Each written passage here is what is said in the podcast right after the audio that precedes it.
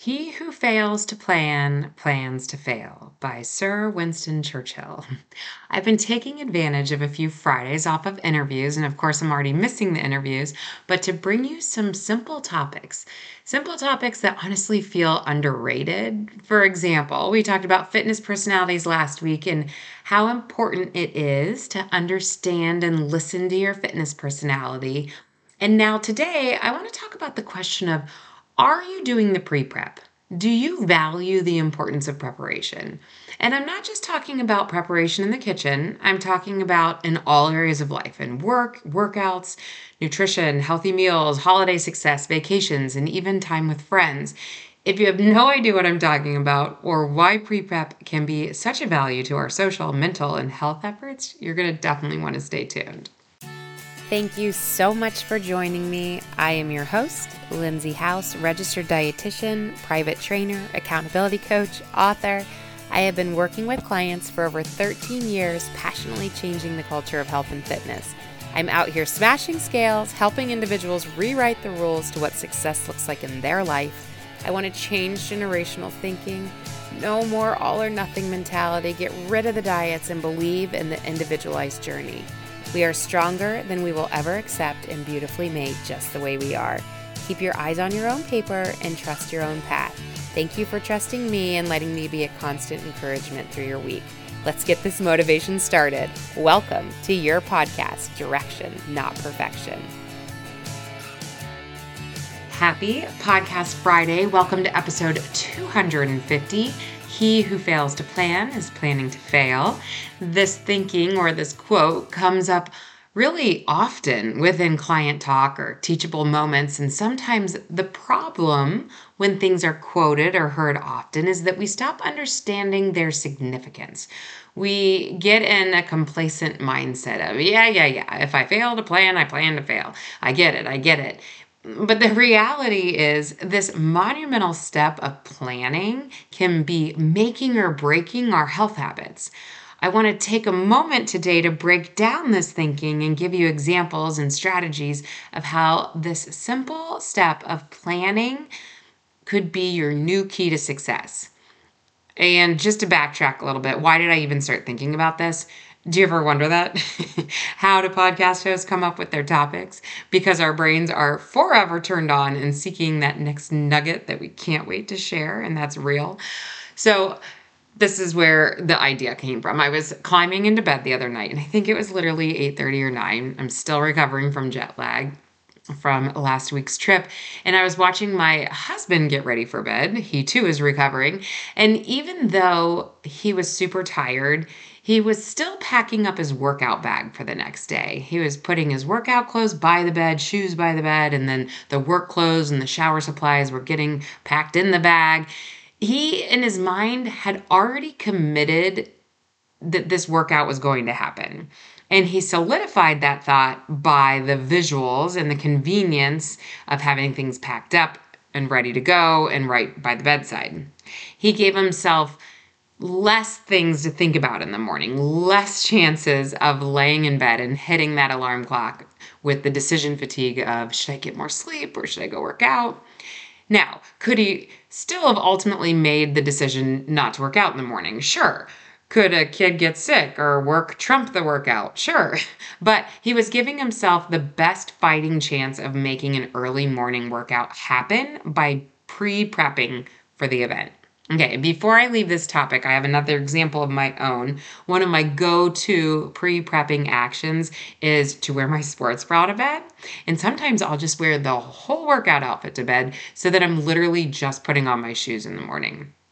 A simple action like that ups my chances of actually working out, I kid you not, by like 80%. Or another simple pre prep action is texting a friend to meet you for your workout or for a walk or whatever that looks like. And that ups my chances of showing up by 99, like 99% sure that I won't miss that workout because I won't no show a friend. These are examples of preparing for a workout that we deemed important, you know, that we ultimately we know it's a priority, we know we want to show up, but yet we're all capable of talking ourselves out of it in the moment. So the pre prep actions are upping our chances of making it happen and understanding that care level that we like really do care that it happens, that it's important to us. You also hear a lot about pre prep for meal preparation, right? A lot of us think of that as cutting up fruits or vegetables ahead of time, or thawing meat that needs thawed for dinner, or packing lunches ahead of time. But I also like to point out that writing out the grocery list and getting to the grocery store is a huge component of pre prep.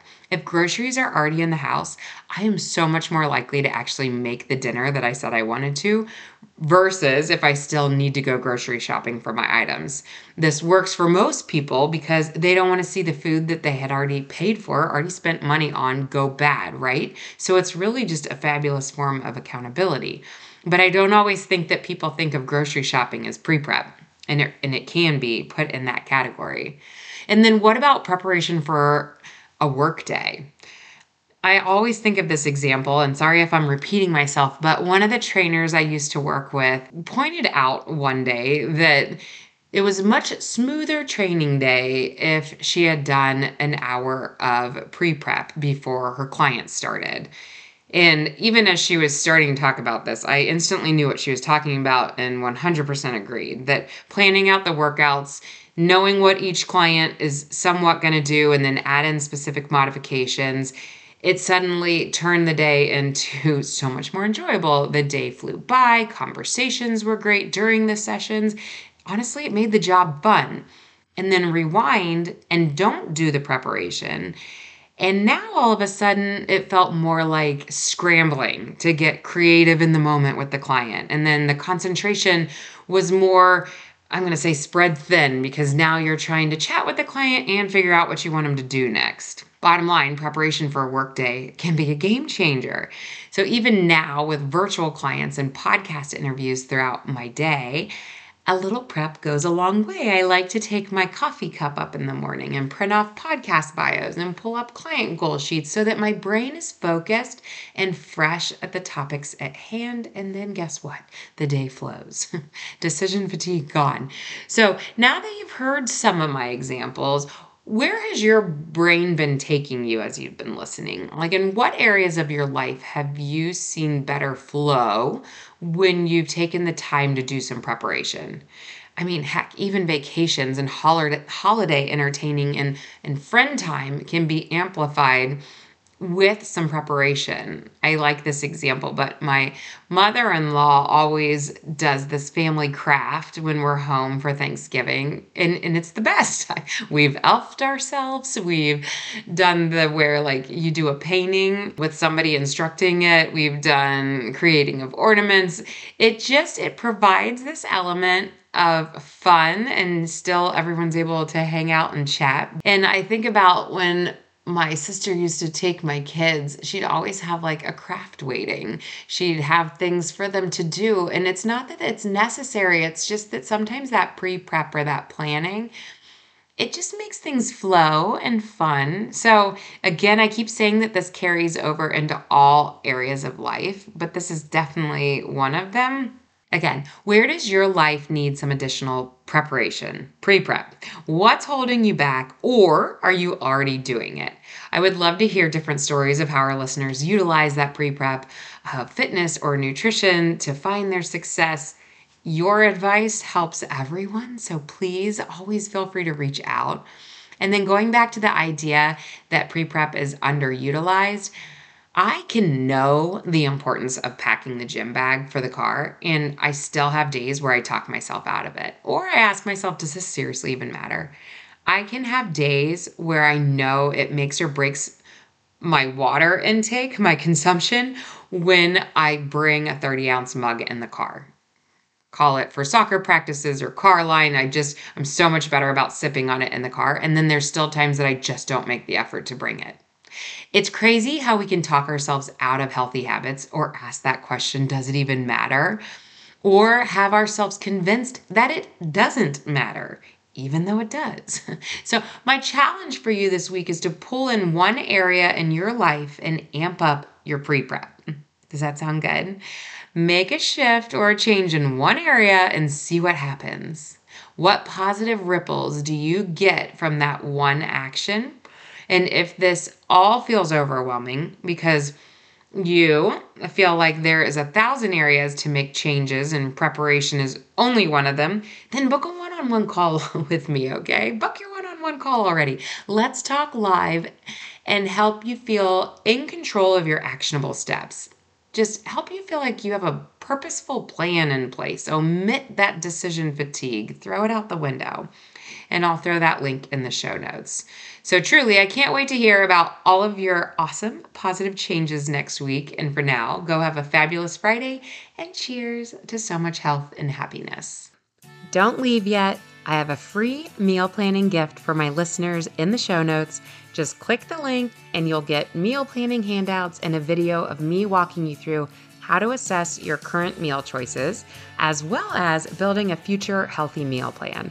This would be something I would do if we were sitting across the desk in a consult together. It is meant to be a jump start for immediate as well as long term meal planning success, and I will continue to offer more helpful guides and ideas as we go.